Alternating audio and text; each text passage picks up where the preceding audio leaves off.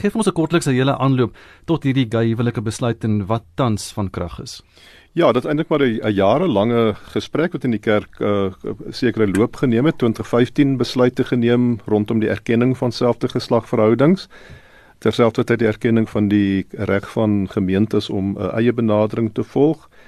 Uh dit het gelei tot tot weerstand, tot 'n buitengewone algemene sinode waar die 2015 besluit uh uh vervang is met met 'n nuwe uh meer uh eensidedige besluit sou ek kon sê waar daar 'n bepaalde standpunt as waarop die vir die hele kerk geneem is waarby almal eintlik moes inval. Uh 'n hofsaak, die 2016 besluit is is ongeldig verklaar, die 2015 besluit is op regsgronde uh, herstel. En toe uh, het ons by die algemene sinode verlede jaar in Oktober 2019 moes ons opnuut na die saak kyk. Uh en daar is 'n besluit geneem om te sê ja, ons erken uh, selfde geslagverhoudinge, maar ons neem ook 'n akkommoderende standpunt in. Ons gee vir gemeentes die geleentheid om hulle eie benadering te volg oor hierdie saak. Uh daar word nie van die algemene sinode se kant af enige benadering op 'n gemeente of op lidmate uh, afgedwing nie. Dit is min of meer die die situasie. Uh, uh dit gee uitdrukking aan die werklikheid dat daar ernstige meningsverskille in die kerk oor die saak is en ek dink dit uh, wat my betref 'n uh, 'n sinvolle manier om die verskille te probeer akkommodeer terwyl myself terselfdertyd tog ook uh, aandag gee aan die die vraagstuk wat wat op die tafel is. Andreas mens nou na jou luister en mens luister na Dominee Brink. Hy sê daar is oplossings. Gesprekvoering is die antwoord en daar is dalk meer as een oplossing. Gegee wat jy nou net gesê het, is daar 'n moontlikheid van versoening? Ja, dit hang af hoe mense nou versoening verstaan, net uh, in die in die kerk beteken versoening nie noodwendig ons ontken dat daar verskille is nie. Dit beteken nie ons verskil uh, uh, ontken dat daar spanning is nie, dat daar meningsverskille is. So oud is die kerk self, nee, as mense in die Bybel gaan lees, 'n brief soos Romeine, dan kom jy agter maar in die vroeë gemeentes was daar ook oor teologiese kwessies ernstige meningsverskil, meningsverskil wat ernstige spanning geskep het. En dan is die benadering van iemand soos Paulus wat in Romeine skryf, aanvaar mekaar ten spyte van die verskille. En dis die benadering in die kerk om nie om te sê ons ontken dat daar verskille is nie, maar om te sê dit waaroor ons met mekaar saamstem is belangriker as dit waaroor ons van mekaar verskil. En dit is ook die basis vir gesprek. En daar stem ek ek uh, saam met uh, Dominee Brink dat uh, gesprek is die die die die benadering in die kerk. 'n uh, Voortgesette gesprek, ernstige gesprek uh gesprek wat nie verskille onder die tafel invee of in die mat invee nie uh verskille 'n gesprek wat nie en dit is tog wat die kerk doen. Die kerk leer vir mense om te sê in 'n samelewing in 'n in 'n wêreld waar daar konflik tussen mense is uh soek mense die die middelgrond. Soek mense uh deur gesprek 'n uh, redelike ooreenkoms met mekaar. En dit dink ek is moontlik. Ek ek is heeltemal oortuig. Natuurlik die gevaar van kerkskeuring bestaan uh en daar is op die oomblik middelpunt vlietende kragte wat uh uh as dit uh ongebreideld toegelaat word uh, uh skeuring kan veroorsaak. Ek glo nie skeuring is noodwendig nie. Ek tel wel willendheid oor die spektrum op by mense om te sê ons uh verskil van mekaar, maar ons wil in gesprek bly met mekaar. Uh daar ons beleef spanning rondom hierdie saak, maar ons wil uh ons wil nie die maak dat die spanning ons uitmekaar dryf nie. Ek dink daar's genoeg middelpunt soekende kragte in die kerk oor die spektrum uh ek self het 'n bepaalde standpunt oor selle geslagverhoudinge. Uh ek en mense soos ek het nie behoefte om ons standpunt op ander mense af te dwing nie. Daar's mense aan die ander kant van die spektrum wat 'n ander standpunt het oor selle geslagverhoudinge. By baie van hulle met wie ek in gesprek is, kry ek tel ek ook wel daar's nie by hulle behoefte om hulle standpunt op op my en ander mense af te dwing nie. Ek dink daar is oor die spektrum is daar baie mense wat sê ons wil net veilig voel binne die kerk. Ons wil nie die gevoel kry daar word 'n bepaalde benadering op 'n gemeente byvoorbeeld afgedwing. En dit het die algemene sinode verlede jaar gesê. Ons erken dat ons oor hierdie saak ernstig van mekaar verskil. Ons wil ruimte vir mekaar skep in die kerk. Ons wil uh, ons gee wel erkenning vir selle geslagverhoudinge, maar gemeentes en predikante, lidmate wat hulle nie daarmee kan vereenselwig nie, uh, word op geen manier gedwing om om by 'n van 'n bepaalde standpunt of opinie af te sien. En ek dink dis die benadering en wat mense maar moet doen is om die middelgrond te probeer versterk. En ek dink daar's genoeg kragte in die kerk op die oomblik wat werk daaraan om die die die middelgrond in die kerk te te versterk. Hoe groot impak het hierdie hofsaak gehad? Het dit die kerk seer gemaak op 'n manier en ehm um, is dit hoekom die mense nou ongelukkig is? Ek dink die hofsaak het 'n impak gehad, het dit mense seer gemaak, maar ek dink die hele dit, dit is uh, dit is binne die groter konteks. Dis nie dit staan nie los as mense sê as dit nie vir die hofsaak was dan was dit nou was daar nou nie spanning gewees nie. Die die hofsaak is deel van 'n langer aanloop en ek was soveel jare in hierdie gesprek betrokke en ek weet dit is maar op verskillende vlakke oor jare. Is daar spanning uh en ek dink die uitdaging is is uiteindelik om te sê uh hoe bring ons al die faktore in berekening uh en hoe kry ons kom ons by 'n punt wat ons mekaar uh kan vind en wat almal veilig kan voel om te sê ek uh ek word gerespekteer in die kerk, uh, my standpunt word gerespekteer ek word toegelaat om volgens my eie oortuigings op te tree. Watter kant van die spektrum ek dan ook al staan. En natuurlik is daar baie mense wat maar iewers in die middel van die spektrum hmm. staan wat wat eintlik sê uh die die kerk het soveel ander sake wat ook sy aandag vra. Moenie toelaat dat een saak al die energie van die kerk uh, dreineer nie. Dis 'n belangrike saak, maar dis nie die enigste saak wat die kerk se aandag vra nie. Ja, daai pleidooi kom van Dr. Andre Bartlett, hy is die moderator van die NG Kerk se Hoofveld Synode. Hy is ook verbonde aan die departement teologie aan die Universiteit van Pretoria. Net vinnig twee goed Andre, jy het nou verwys na jou eie siening. Daar is tog luisteraars wat nie sal weet wat jou siening daaroor is nie en dan ook die NG Kerk se amptelike beleid nou oor selfde geslagverhoudings. Daai twee goed. Jou siening eerstens en dan die kerk. Ja, dit is natuurlik nou moeilik om mense standpunt nou in 'n paar uh uh woorde uit te druk. Uh maar my eie siening is dat in dit berus op my verstaan van die Bybel, my verstaan van julle saak van homoseksualiteit dat selfde geslagverhoudings wat gebaseer is op liefde en trou dieselfde geldigheid behoort te hê as uh, ander verhoudings wat gebaseer is op liefde en trou. Uh so uh, uh die die my eie standpunt is ten gunste van die erkenning van selfde geslagverhoudings, maar dan natuurlik met dieselfde etiese uh, norm om te sê dit moet getuig van liefde en trou, nie vas los en vas verhoudings nie. Dit is uh, uh my my standpunt is dat dit uh, onaanvaarbaar is of dit nou selfde geslag of teenoorgestelde geslag uh, verhoudings is. Maar my eie standpunt is ook om te sê ek het respek vir mense wat die Bybel anders verstaan, wat die saak van homoseksualiteit anders verstaan. Ek wil nie my standpunt op hulle afdwing nie. Ehm um, ek hou ook nie daarvan as mense hulle standpunt op op my probeer afdwing nie. En en ek uh, ek is nog altyd iemand wat wat my beywer vir 'n uh, oop gesprek in die benadering 'n benadering ook waar ons mekaar nie op allerlei maniere probeer dwing byvoorbeeld met weerhouding van fondse en mm. so en dit gebeur baie keer op gemeentes predikante sal vir jou stories kan vertel hoe lidmate geld wil gebruik as 'n soort van 'n hefboom om hulle wil op 'n gemeente af te dwing. Daarvan hou ek nog nooit nie. Ek dink nie dis die benadering in die kerk nie. Ek dink in die kerk praat ons met mekaar en as ons die eerste myl met mekaar geloop het, dan loop ons ook die tweede myl met mekaar. Uh, as ons kwaad is vir mekaar, dan vergewe ons mekaar op die ou einde en dan probeer ons die uh, nakom om sê ons vergewe mekaar nie net 7 maal nie, maar 7 maal 7 keer. Uh, ons loop altyd maar weer die pad sonder om te ontken en ek dink die die beskuldiging is baie keer dat ons 'n valse beeld van eenheid voorhou. Nee, ons erken oop en eerlik dat ons oor hierdie saak ernstig van mekaar verskil. Ons erken dat daar ernstige spanning is. Uh, ons sit op synode sittings waar dit baie duidelik is dat daar spanning is. Ons kom op vergaderings. Ons sal nou Maart maand waarskynlik weer by uh, Dominee Brinkert na ons ASM vergadering verwys uh, in Maart maand. Daar sal ook weer oop en eerlik met mekaar gepraat word. Uh, Andre net vinnig weer uh kom net by my tweede vraag uit. Die NG Kerk se amptelike beleid nou.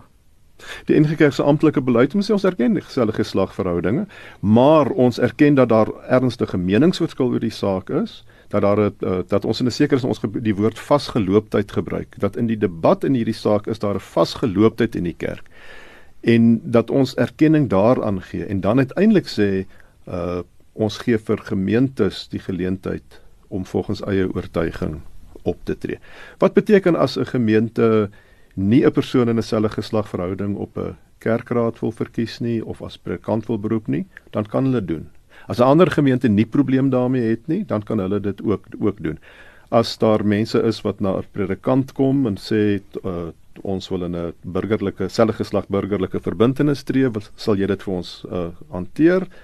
As die predikant gemaklik voel daarmee, dan mag hy dit doen. As 'n predikant nie gemaklik voel nie, dan hoef hy dit nie te doen nie.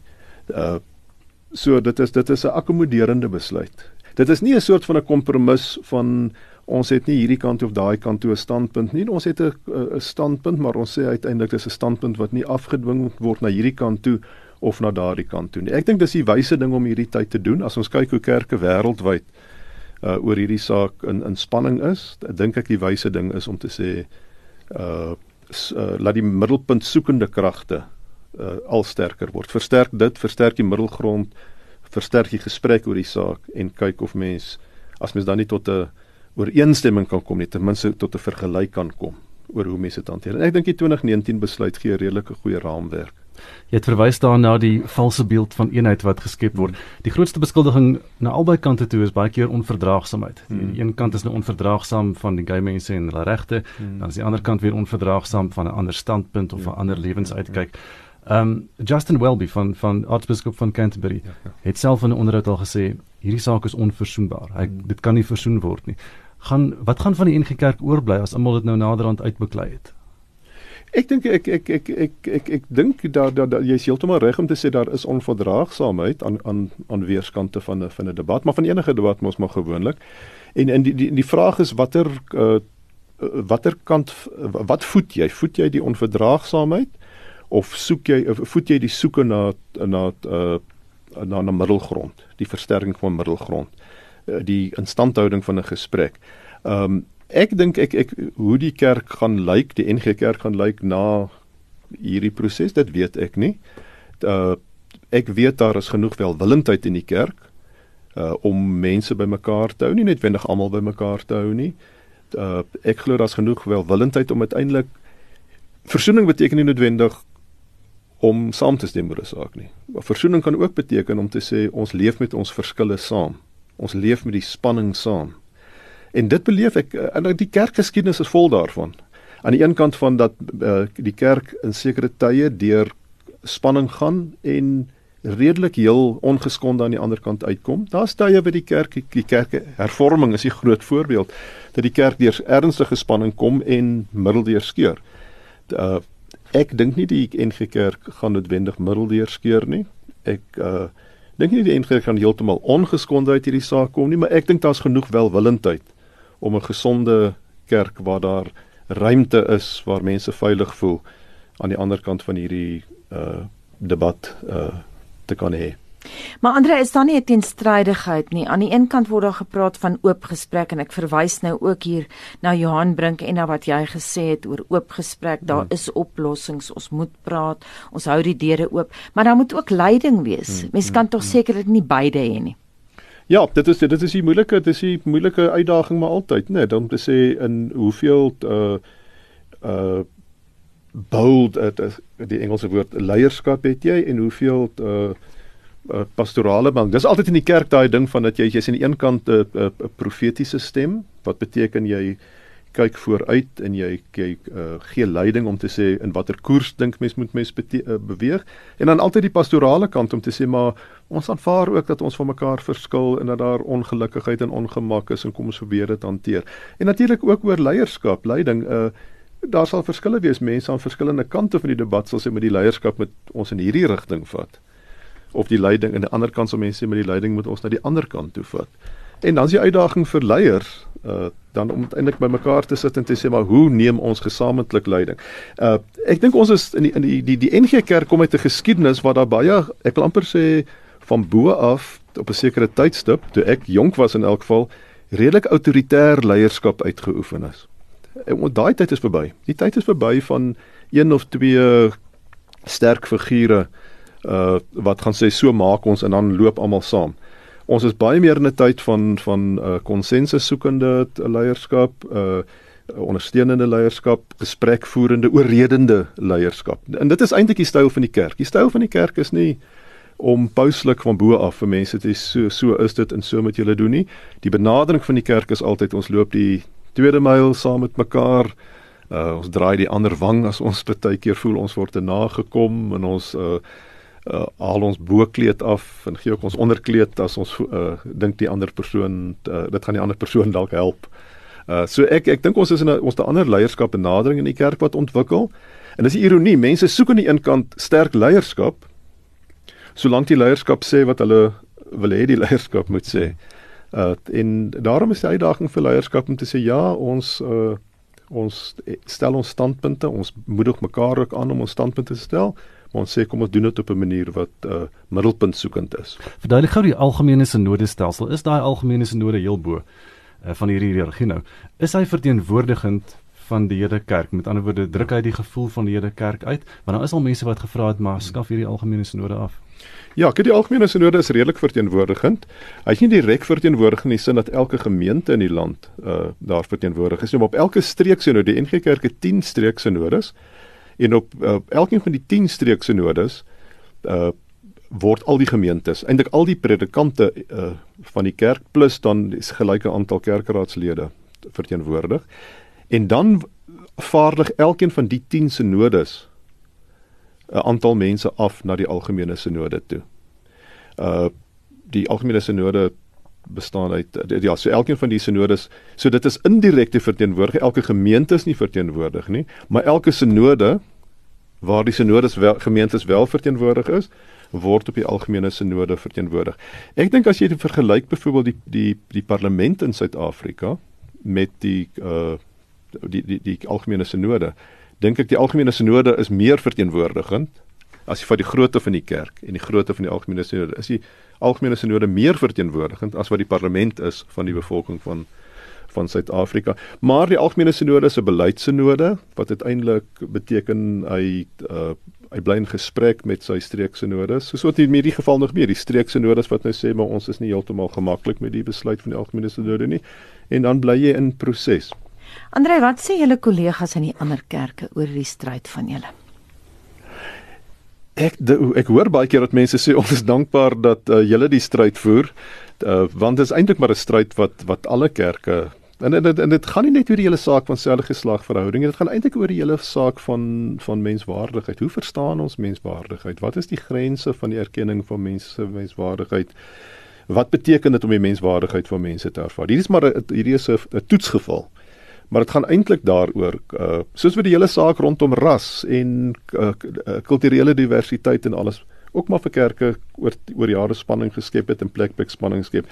Kollegas in ander kerke sê vir ons sterkte uh, ons uh, uh, ons hou dit dop. Ons hou dit dop. Uh, ons is bly dat dat julle dit doen. Uh, maar daar word met erns gekyk na die debat. En, en en dit tel ek op van mense oor die spektrum weer. Dat mense letterlik sê maar dit is wat my st eie standpunt oor selfe geslagverhoudinge ook al is. Dit is vir ons belangrik om te sien hoe die debat in julle kerk verloop. Julle help ons deurdat julle die die die konture van die debat uh, vir ons uh, laat sien. Is hierdie saak 'n saak wat 'n uh, die verskil is tussen mense wat die Bybel letterlik opneem en mense wat oop is vir interpretasie en dan nie graag wil hê daar moet twee verskillende leringe ja, wees nie. Ja.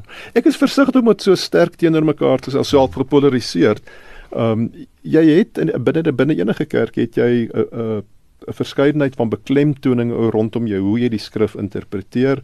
Jy het partykeer 'n meer uh, behoudend letterlike benadering, aan die ander kant het jy partykeer 'n baie meer kom ons sê kultureel sensitiewe benadering uh 'n meer hermeneuties ons gebruik nou die groot woord mhm. hermeneuties in die kerk die hermeneutiese benadering uh maar ek ek op op in in die die normale gang van sake is dit nie so duidelik sigbaar dat, dat daar verskillende skrifgebruike is nie maar dit gaan oor hoe jy bepaalde oor 'n bepaalde saak die skrif interpreteer Wat beteken hermeneuties? Hermeneuties is die manier hoe jy 'n 'n 'n teks interpreteer om te verstaan wat hy in sy konteks beteken en dan te vra maar wat beteken hy hoe word hy in 'n nuwe uh, konteks uh, verstaan en en toegepas. En ek dink dit het by mense wat self mense wat meer behoudend is of mense wat meer progressief is, sal albei hierdie benadering volg, maar uiteindelik op bepaalde punte sê maar hier dink ek uh, lei my interpretasie maar na hierdie kant toe of op die ander kant sal sê maar oor hierdie saak lei my interpretasie my na 'n ander kant toe.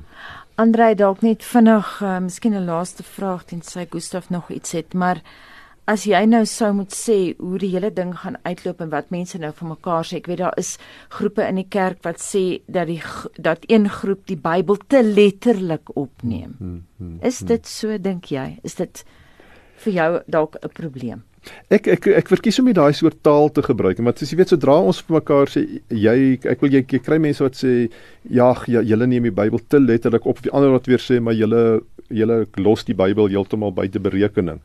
Dit is kwetsend op 'n manier beleef mense dit kwetsend. Ek verkies om te sê ons lees almal die Bybel, ons neem hom almal ernstig op.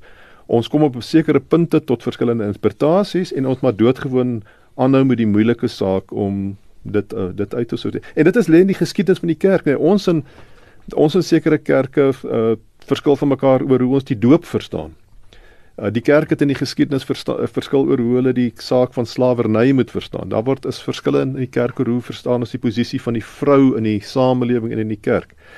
Uh en dit gaan baie keer maar doodgewoon om sê ons lees dieselfde Bybel, ons neem dit ewe ernstig op, maar ons kom tot verskillende standpunte in ons bly in gesprek met mekaar. So ek verkies om nie taal te gebruik wat verdelend, polariserend, kwetsend vir mense kan wees nie om, om respekvol uh, met met mekaar te verskil. Ook om te sê wanneer daar verskillende beklemtoninge oor skrifgebruik is om te sê maar ek bly respekvol in my Andre baie dankie. Dit was Andre Bartlett die moderator van die NG Kerk se Hoofveldsnode ook verbonde aan die departement van teologie aan die Universiteit van Pretoria